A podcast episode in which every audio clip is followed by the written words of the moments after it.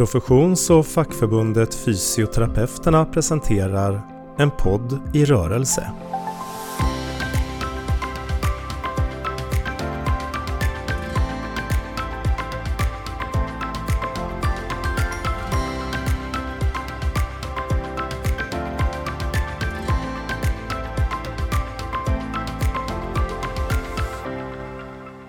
Idag ska vi prata om hållbar hälsa ur ett patientperspektiv. Och då är jag glädjen att kunna säga välkommen till Kim Nilke Nordlund. Du är generalsekreterare i Unga Reumatiker. Välkommen hit! Tack så mycket! Hur mår du idag? Jo men eh, jag mår ganska bra idag. Det är lite trött redan på det här höstvädret men eh, det funkar. Ja. Vad gör man om man är generalsekreterare och vad är Unga Reumatiker? Ja, Unga Reumatiker är ju en eh, organisation som arbetar för barn, ungdomar och unga vuxna med reumatisk sjukdom. Eh, och även för deras närstående. Eh, och det gör vi på ganska många olika sätt men vi skapar mötesplatser, vi driver opinion, vi sprider information och kunskap, vi samlar in medel till forskning. Ehm, och vår vision är att alla unga reumatiker ska känna livsglädje och kunna uppfylla sina drömmar. Så att det är det som vi tar avstamp i allt vi gör. En fin vision. Ja, den är, vi, är väldigt, vi är väldigt nöjda med den. Mm. Jag, jag lyssnade på dig på ett seminarium i Almedalen i somras. Och då tyckte jag du utstrålade en hel del av den visionen. Jag blev imponerad över din, din glädje och det engagemang som du gick in i det hela. Är det, är det kul att vara generalsekreterare? Det är väldigt roligt att vara generalsekreterare. Det vet ju säkert du också, men det är väldigt lyxigt att få ha ett jobb dit man går varje dag och känner att man faktiskt gör någon nytta. Eh, så att, ja det är väldigt lyxigt skulle mm. jag säga. Eh, vad är hållbar hälsa för dig? Hållbar hälsa för mig? Ja men det är nog ganska mycket att, att man tar avstamp i eh, våran vision faktiskt. Jag har ju inpräntat den eh, i liksom mitt eget liv också och försöker ju att utgå från det själv. Att eh, jag ska känna livsglädje och jag ska liksom sträva efter mina drömmar hela tiden. Eh, och jag tror att om man får liksom stöd i av, av samhället, av vården, av skolan, av sin arbetsplats eller vem det nu kan vara. Man får stöd i det att liksom möjliggöra självförverkligande. Det, jag tror att det är så vi skulle nå hållbar hälsa och mm. inte, inte genom att enbart fokusera på det sjuka liksom, utan fokusera mer på det friska. Om man ser det ur ett patientens perspektiv. Varken du eller jag ser ju ut som patienter men ibland är vi ju patienter. Jag läste någonstans hos er att ni, ni hade någon slags kampanj eller så. Vi är inte vår sjukdom. Ja, precis. Eh, vi är inte vår sjukdom. Eh, det var en kampanj som vi släppte samtidigt som vi släppte Unga Reumatiker-rapporten eh, förra året. Och det var väl just för att lyfta det här. Då var liksom, första delen var den här hashtag då, vi är inte vår sjukdom. Och sen nästa del var liksom, vi är våra drömmar. För att försöka lyfta att så här, bara för att jag kanske har en diagnos eller en reumatisk sjukdom eller någon annan typ av sjukdom så betyder inte det att det är allt jag är eller att allt i mitt liv utgår från det. Utan det är någonting som jag har där med mig men det är inte allt utan jag är väldigt mycket mer. Ja, nej, det, ni, ni, det känns som att ni försöker vända på perspektivet. Ja, men vi brukar försöka prata om det, att vi vill, vi vill få till ett fokusskifte liksom, och fokusera mer på, på det som är bra. Hur kan vi maximera må bra-tiden för våra medlemmar. Eh, sen försöker vi också att kanske inte prata så mycket om att vi ska bli friska för att det, eh, utan vi försöker prata om att man ska kunna leva ett symptomfritt liv istället. Och att maximera sin må bra-tid. Mm. Är det något som du kan lämna som råd till andra där? Tror du att ni kan vara lite förebilder?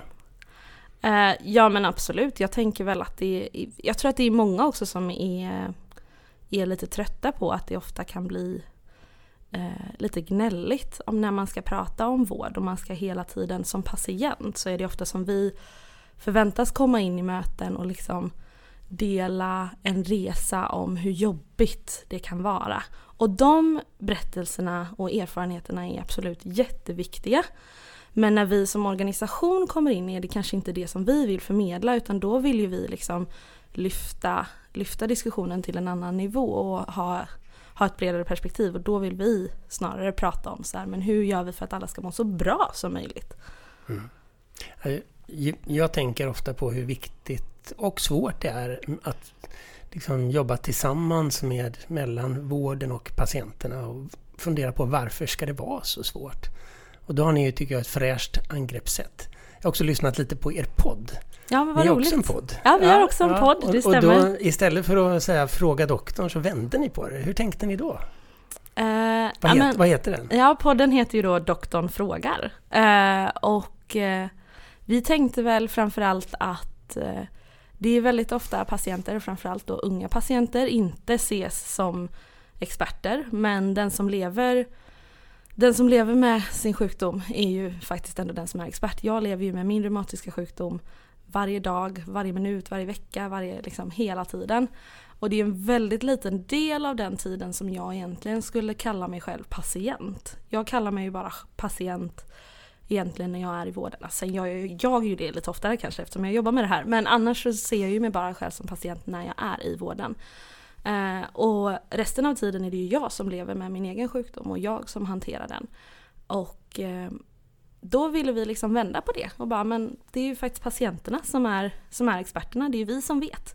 Varför får vi aldrig frågan om hur det är? Varför får vi aldrig eh, ses för våran kompetens eh, och ses som någonting mer än bara patienter?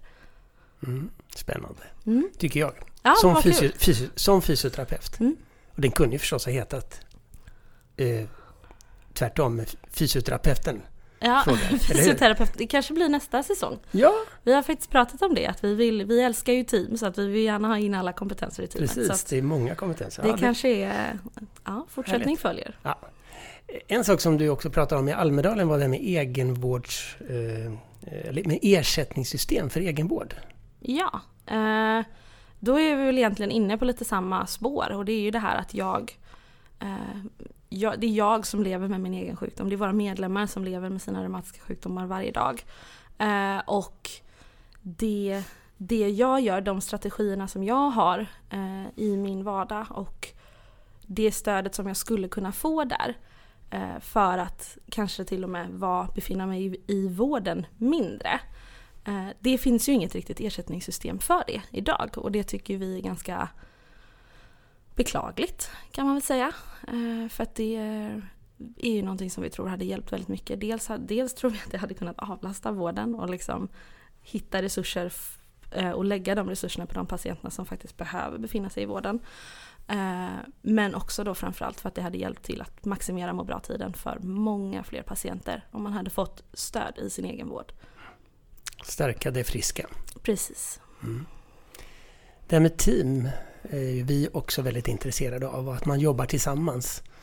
Den allra vikt, min definition av ett interprofessionellt team det är att patienter och närstående är de allra viktigaste i teamen. Stämmer den med din?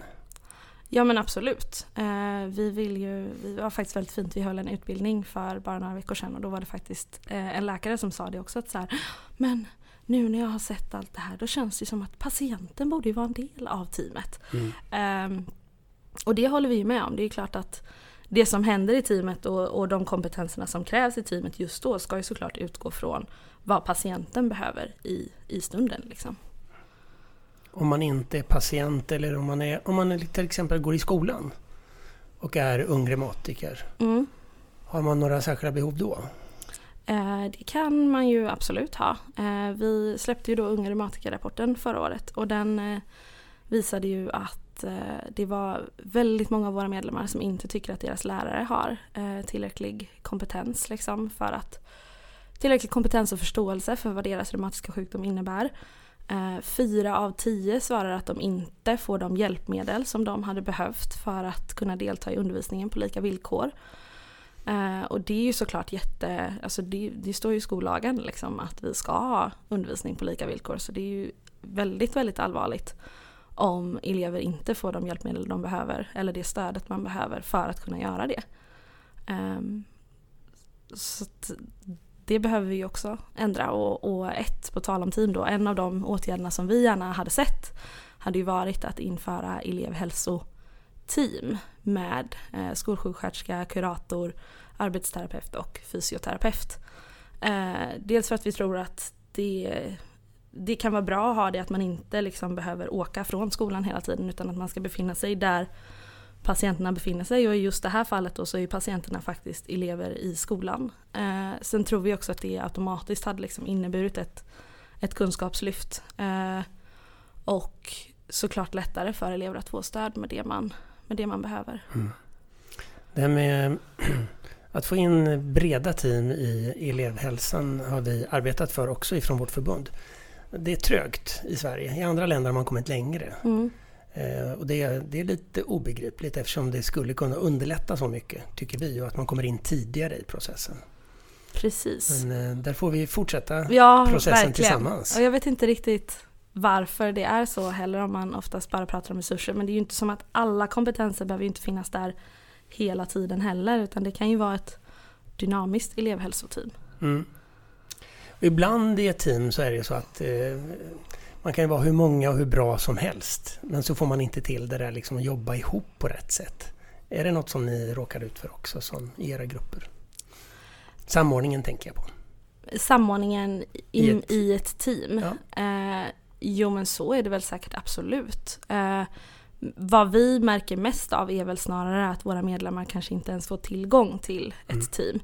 Eh, och att man i många fall inte ens har fått information om att de, de här olika kompetenserna eh, finns. Liksom. Att det är säkert många av våra medlemmar som eh, inte vet vad en arbetsterapeut gör, inte vet vad en fysioterapeut gör för att det heter sjukgymnast. Alltså, och att man inte får den informationen och då blir det också väldigt svårt som patient att veta att vad kan jag, vad kan jag förvänta mig och vilka rättigheter har jag här egentligen. Eh, vad skulle jag kunna få stöd i? Eh, och vem är det i så fall som ska kunna ge mig det stödet? Mm. Ja, det, att det finns en lag är ju inte detsamma som att det plötsligt funkar allting.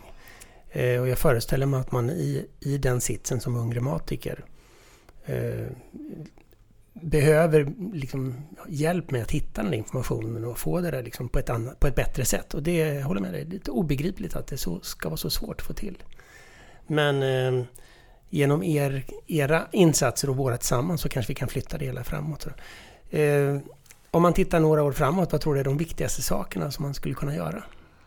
Eh, ja, men dels så tror jag ju på, på samordning och att börja, att börja erbjuda team.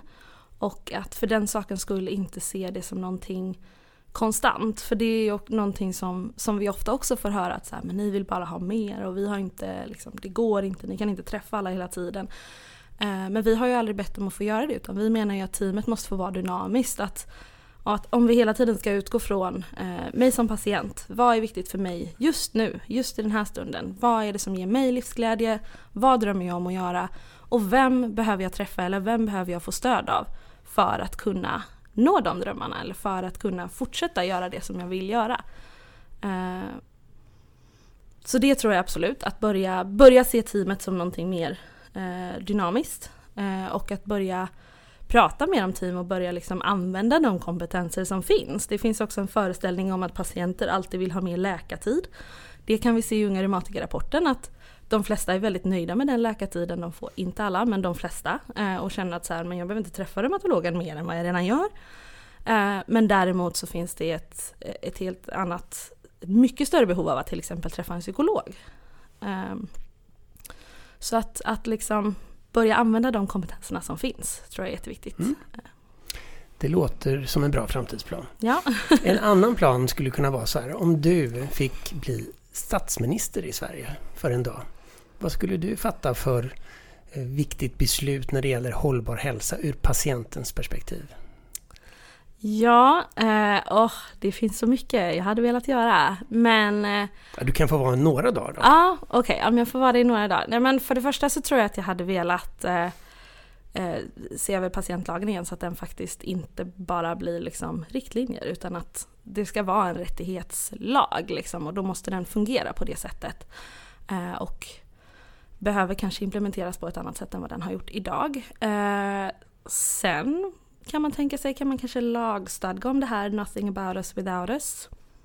Är det så? Ja. ja. Eh, att liksom i de forumen där patienter diskuteras eh, så ska patienter finnas representerade på alla nivåer inom sjukvården. Eh, patientråd hade varit en jättebra grej men också att man aktar sig för att inte hela tiden skapa nya forum där man ska sätta patienter som får prata med ledning inom vården och sen så rapporterar de tillbaka till den faktiska ledningsgruppen utan att man börjar använda patienter och man ser patienters eh, expertis och kompetens. Mm. Där fick statsministern ja. tillfälliga en Kom hel del nu. uppgifter. Just det, tack för ett jättetrevligt samtal och mig har du i alla fall uppfyllt med både livsglädje och lite mer drömmar. Det tycker jag vi skickar med till våra poddlyssnare. Tack för att du kom Kim. Tack för att jag fick komma. En podd i rörelse presenterades av Fysioterapeuterna.